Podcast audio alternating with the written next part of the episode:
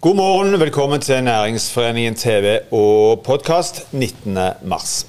Det er fredag og tid for nye muligheter med Tormod Andreassen og Harald Minge. Denne gang handler det om et teknologieventyr.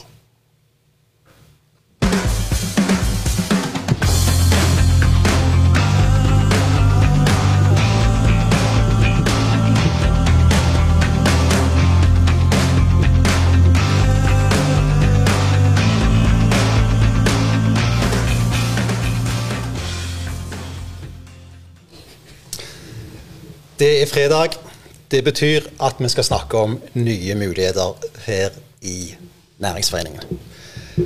Hvis jeg sier tallet 356, hva tenker dere på da? Dere skal tenke på to ting. Det ene er selvfølgelig antallet kommuner i Norge. Og det andre er antallet ordførere som har sagt at akkurat min kommune skal bli den nye Silicon Valley. Og hva forbinder vi med Silicon Valley? Jo, vi forbinder Silicon Valley med teknologi som forandrer verden. Men nå er det faktisk sånn at vi i denne regionen kan påberope oss en viss Silicon Valley-faktor. For i 2015 så var det en inspirerte Lars Ropheid Selsås som kom hjem fra uh, San Francisco. Bodde i kjelleren hos foreldrene, fikk med seg broderen, planla å starte eh, selskapet Boost AI. Og fikk god hjelp av gründerprogrammet til SR-Bank. Selskapet ble stifta i 2016. Starta med en aksjekapital på 30 000 kroner. Og ble altså nå verdsatt til nesten opptil 2 milliarder kroner for et par uker siden. Og om noen få strakser så skal vi få møte Camilla Gjettvik fra Boost AI her i sendingen. Som altså skal handle om kunstig intelligens. Om hvordan altså datasystemer er i stand til å gjennomføre oppgaver som vanligvis krever menneskelig intelligens. Som vanlig med meg på høyre side Tormod Andreassen, næringspolitisk leder i Næringsforeningen. Og Tormod, tror du uh, en stilling som uh, næringspolitisk leder f.eks. kunne blitt erstatta av en uh, robot? Jeg skal spørre fra en jeg kjenner. ja, Nei, jeg er litt usikker på det. Men altså, det jeg har hørt rykter om, er at flere og flere lederstillinger blir utbytta med, med, kunstig intelligens og roboter. og noen mener sågar at ledere har kunstig intelligens, men det er en annen sak. Men, men, men, det det først og fremst handler om, er jo, er jo er jo eh, Kunstig intelligens handler jo om hvordan vi kan lære opp maskiner til å, å, ta avgjørelser. Til å ta gode avgjørelser og til å skjønne ting. Og så er det noen som tror at kunstig intelligens er en sånn det er jo ikke en menneskelig faktor. En, en, datamaskin vil aldri ha følelser. En datamaskin vil aldri synes synd på en, en, kattunge eller en liten hundevalp som springer over veien. og Det er jo òg viktig å ha med oss når vi snakker om det.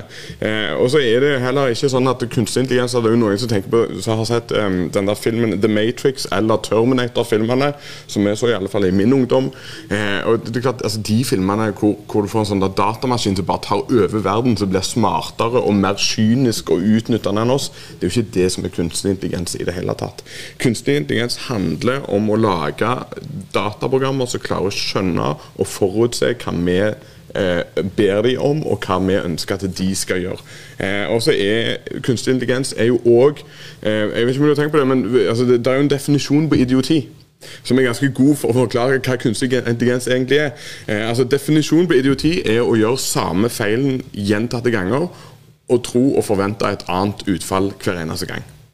Eh, mens, mens, kunstig intelligens er jo rett nettopp det, at du gjør feilen, maskinen gjør feil. Så lærer han av sine feil, retter på det han har gjort feil, prøver på nytt og lykkes. Det er jo det som er kunstig intelligens, at du lærer. Maskinlæring er jo egentlig det vi snakker om. Og den eh, historien om maskinlæring her lokalt, Harald, den er god, den vi har med i dag. Ja, det, det, er en veldig god lokal historie. Og, men jeg må jo nevne at det, det, dette foredraget var veldig imponerende, Tormod. Jo, takk. Så, og du, du, er godt forberedt i dag, det må jeg si. Men, men det er en god lokal historie. Og husk på at vi hadde oljekrise i 2015. Eh, SR-Bank etablerte jo den eh, gründerhuben sin. Og så kom altså OPD-ene inn fra utlandet med kompetanse. Uh, og så ble det lagt til rette for dette. Sant? Og Det viser jo et lokalt uh, økosystem som liksom virkelig fungerer. Produktet ble jo lagd for uh, SR-Bank, som var med og støtta opp om dette og finansierte det. Så til en haug med andre bankinstitusjoner.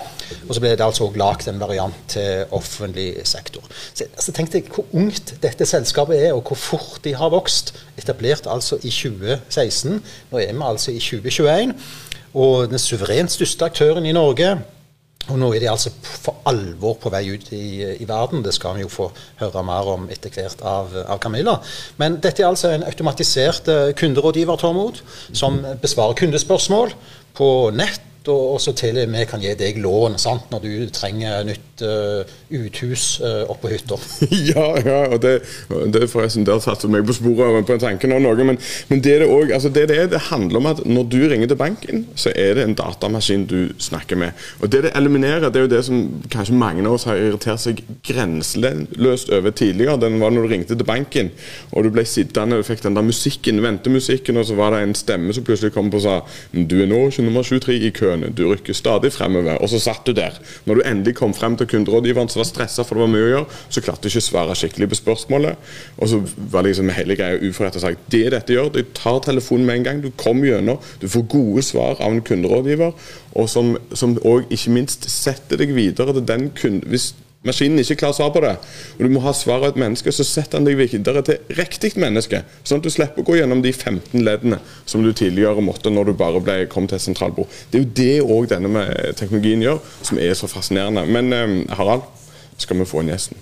Jeg tror vi må det. Men igjen, Tom, dette var veldig bra.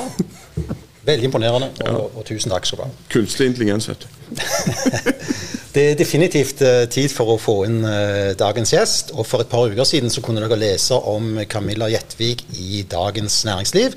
Og hun hadde akkurat uh, losa i havn opp det som de så flott kalte for Operasjon Rocket. Og en avtale altså som priste selskapet til opptil to milliarder kroner. Og Camilla hadde ansvaret for å få gjennomført denne eh, transaksjonen. Og høydepunktet i livet, Camilla, må jo være eh, nådd når du i tillegg selvfølgelig da ble intervjua i eh, Nattbordspalta dagen etterpå i, eh, i Dagens eh, Næringsliv. Og velkommen i studio. Jo, takk. Veldig kjekt å se deg. og Du jobber jo i selskapet, du er jo òg i styret i Næringsforeningen, så du er jo her eh, med, så, du er kun med Boost-hatten i dag, men, men du godt er godt kjent. godt kjent. med dette huset.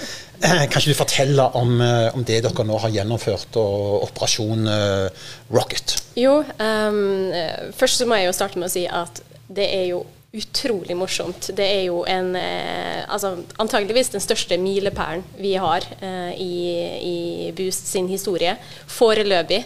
Det, vi ser jo at det, det, vil jo komme mange flere store milepæler framover, men, men eh, til dags dato så er jo det her det største vi har, har gjennomført. Det her vil jo posisjonere oss på en helt annen måte framover, eh, når vi nå, som du sa, skal ut og erobre verden. Um, så ja, Project Rocket har vært um, krevende, lærerikt, utrolig morsomt. Um, og det føles veldig godt å nå være på en måte ha landa den. Hvordan har uh, siste halvår vært for deg? da, som, Dette må jo holdes hemmelig. ikke sant?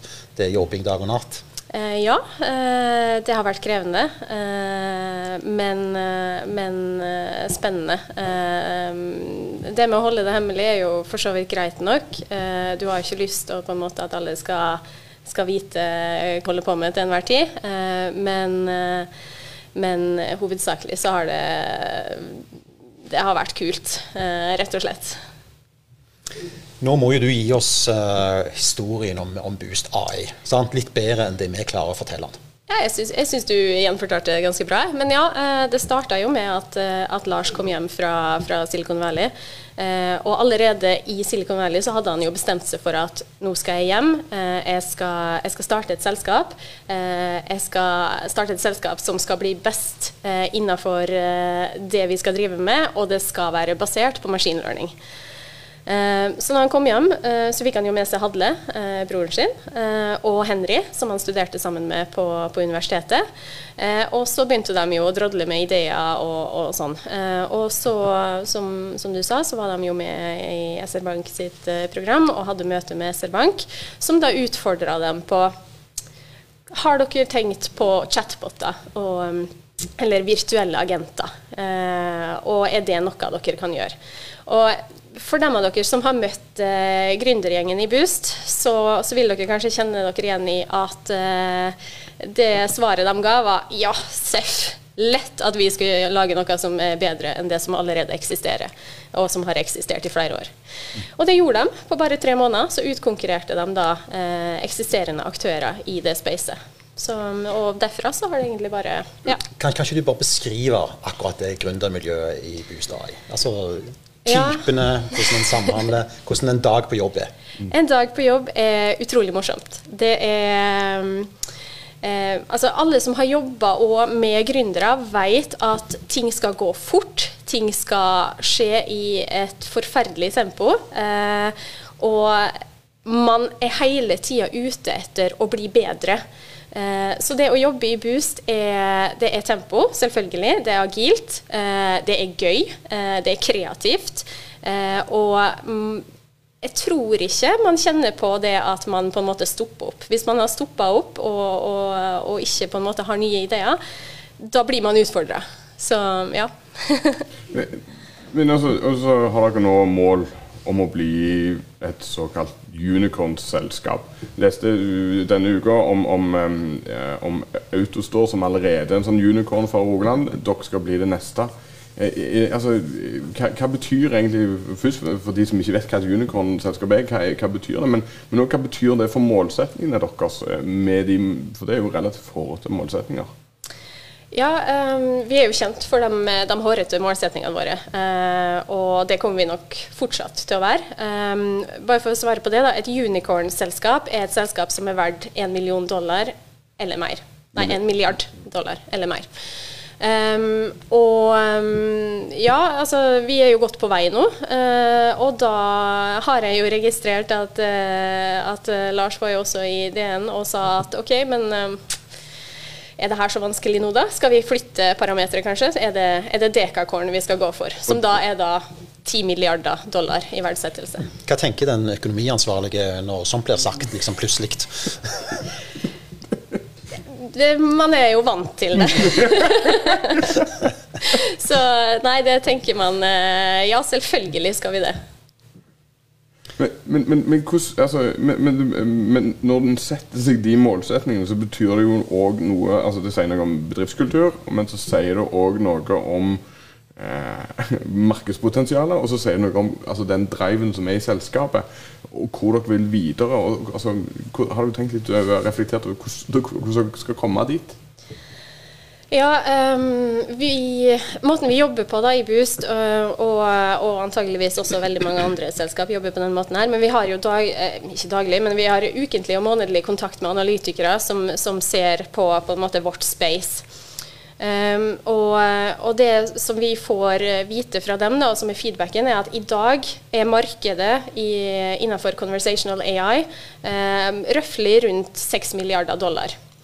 Eh, det man òg vet, er at det er forventa eh, skal øke med minst 30 eh, årlig fram til 2025, som vil si at potensialet her er ekstremt stort. En annen faktor er at, som vi ofte får, får, spørsmål om, er ja, hva, med de, hva med de store tech-selskapene? De jobber jo også med det her, sånn som Google, IBM, alle de der. Eh, men det, det, analytikerne, som jo er eksperter på det her, sier, er at ja, de er der, men de kommer aldri til å vinne, for de spesialiserer seg ikke. Vi spesialiserer oss, vi er best på det her, vi har den beste teknologien. Alle forutsetninger ligger eh, på plass. De fleste vil jo tenke at et av disse store selskapene nå bare sluker Boost AI. Og så casher dere ut uh, disse milliardene. Ja, nei, hva, hva skjer? Nei, eh, altså om det skjer, så, så, er ikke det noe som vi egentlig har tenkt så mye på. Uh, vi må jo først vinne uh, det racet her, tenker vi. Uh, det er jo det som er målet vårt, å bli global category leader. alle skal vite hvem Boost AI er. Men vi tenker jo mye på dette. Og vi vil jo ha dere her. sant? Vi vil jo ha hovedkontorene i, eh, i Stavanger-regionen. Men det som òg gjør dette litt spesielt sant? Altså, her så snakker vi jo veldig mye om å bruke olje- og gassteknologien inn mot nye områder. Og så kommer dere på sett og vis inn med noe helt nytt. Og så tenker jeg eh, hva, Er det noe med miljøet her som skulle tilsi at eh, det var ekstra gunstig å etablere denne type selskap i, i denne regionen, eh, som gjør at det er ekstra, altså ekstra gode forutsetninger? Um, ja, altså det, det, vi kan si da, altså, Den beste forutsetninga var jo at Lars er herfra, og bror hans og Henry er herfra. Det er jo den skulle si, ultimate forutsetninga. Um, men så tenker jeg jo også at tidspunktet man starta opp på, uh, var veldig heldig for Boost. Uh, med tanke på at man kunne få veldig dyktige folk som ellers på en måte var veldig etablert i, i oljesektoren, uh, på et veldig tidlig stadie. Eh, og på en måte få utnytte erfaringer og, og, og, alt det der. Det var allerede en eksisterende tech-kompetanse, selv om det ikke var en AI-kompetanse? Er det det du sier?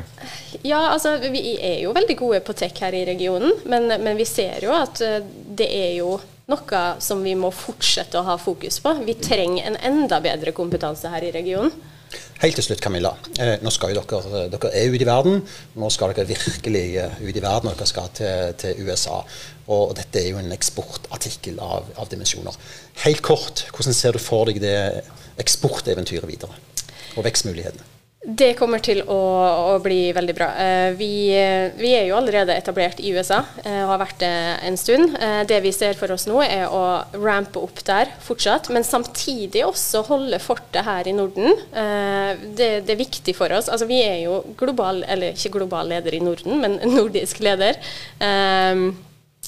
Så vi ser jo også at Eh, og, og, gå videre ut der vi allerede er bra etablert, og gå videre ut derfra også, er en, en fin strategi for oss. Vi er veldig imponert. Tusen takk for at du kom i studio, Camilla Gjetvik. Velkommen tilbake til oss, og vi følger dere med argusøyne. Og vi er stolte av dere. Takk for meg. Da skal vi ta og gå inn for uh, landing. Og eh, Stavanger-regionen er full av gründere og nye, spennende bedrifter. Og i serien uh, Nysnakk så vil vi jo vise disse fram. Og kanskje er det et nytt industrieventyr, kanskje er det et nytt Boost AI som dukker opp i disse sendingene. Tormund Andreassen. Harald Minge. God helg. Kjør film.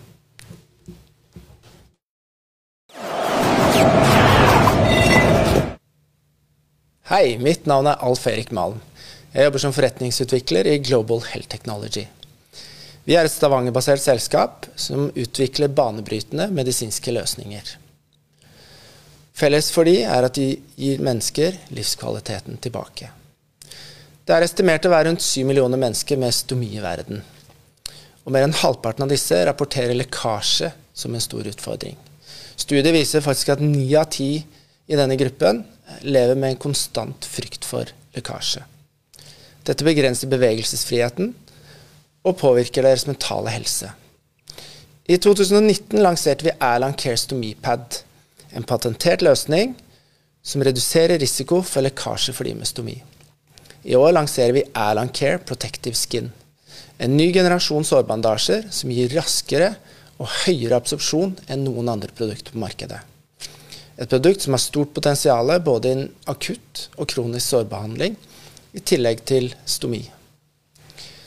Global Health Technology er et internasjonalt vekstselskap med lokalt eierskap. Vi ble før jul nominert som et av landets ti mest spennende helseselskaper på DNB Nordic Health Conference. Vi har en skalerbar forretningsmodell og har fokus på å doble distributører år for år. Potensialet er stort, men det vil kreve investeringer.